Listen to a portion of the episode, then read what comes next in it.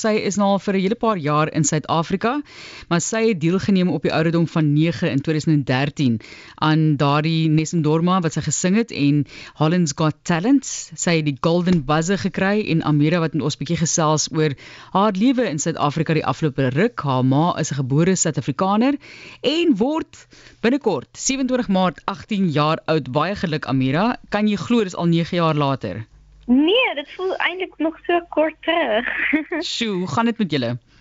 Dit gaan eintlik baie goed. Ons geniet Suid-Afrika so baie en ons gaan gereeld Kaapstad toe vir optredes. Ons is nou eintlik in Kaapstad hierso. Ehm um, vir optredes saam met ehm um, Richard Kok, die dirigent. So dit gaan regtig baie goed. Fantasties. Daar's baie geleenthede vir jou hier ook. Soos jy nou genoem ja? het.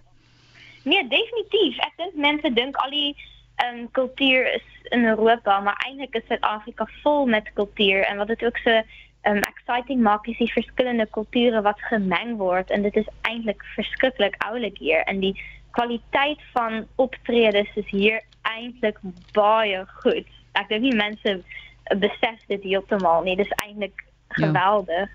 Amira, het jy 'n genre? Want ek sit dan kyk, jy mik baie meer in die klassieke rigting. So is daar 'n genre wat jy dis dan meer op fokus of 'n verandering van genre wat vir jou voorlê in die toekoms soos jy ouer raak? Ehm um, eintlik is ek lief vir baie genres. Ek is lief vir opera natuurlik, ehm um, klassiek, crossover en musical. So ek gebruik al daai genres. Fantasties. So kom ons gesels 'n bietjie oor jou ervaring afgelope tyd. Dis lekker om jou ook, ek dink jy was in die Kaap ook nou gewees om weer te hoor dat mense optree. Die COVID sage het natuurlik vir jou ook geaffekteer as 'n kunstenaar. Ja, ek dink um, COVID was vir almal natuurlik baie moeilik. Dit het die hele wêreld getref. Maar kunstenaars wat natuurlik 'n lewe moet kan maak uit hulle kuns en hulle talente. Dit was verskriklik want daar was niks opvoerings meer nie, niks live nie en dan moes mens gaan na opnames soos wat ek gedoen het by die Wish Upon a Star wat ons nou net gehoor het. Ehm um, dit is alles of streaming of YouTube en dit voel baie onpersoonlik. So ek dink al die kunstenaars maar honger om eers voor 'n gehoor te sing. Fantasties.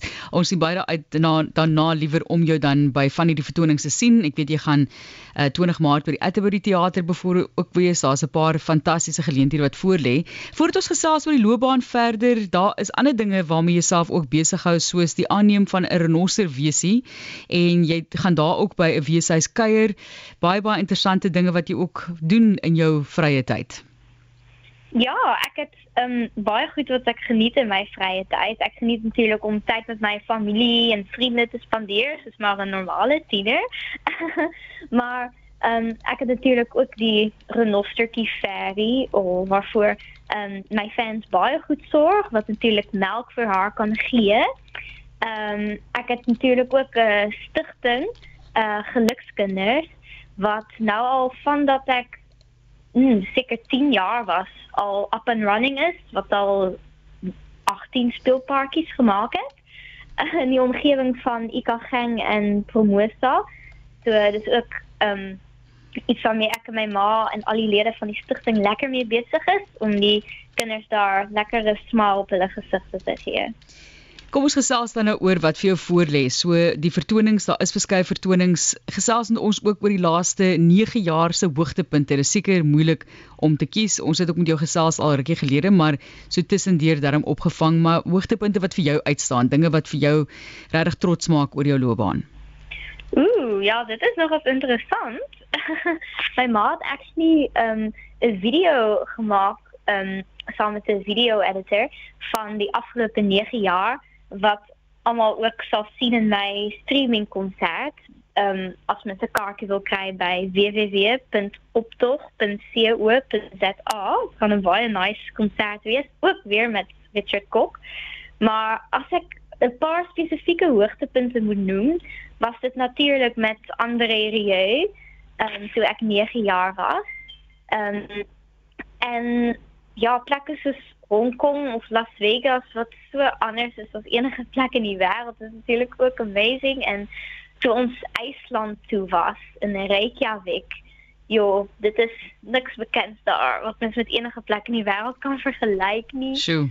Ehm um, maar natuurlik ek sou sê een van die konserte waar ek al gesing het wat die beste kwaliteit was was definitief um, die classics en Afrikaanse groot reeks hier in Suid-Afrika. Die kwaliteit is geweldig wat ek nog nêrens anders in die wêreld gesien het nie. So daar's baie wat vir jou voorlees en mens praat van wat jy nog nooit in die wêreld gesien het. Jy so baie plekke wat jy dalk ook nog wil en gaan besoek. Wat lê vir jou voor? Wat vir my voor lê, ek is matriek. So natuurlik is dit die matriek eindeksamen. Ehm um, los van dit um, die begin van die jaar het ek nou wel 'n redelike paar optredes aan die begin gehad. Ehm um, baie in Kaapstad en natuurlik die streaming konsert, maar ons gaan dit iets wat minder maak rigting die einde van die jaar omdat ek nou matriek skryf en so. Maar as ek matriek klaar gemaak het, gaan ek vir 'n jaar op 'n wêreldtoer.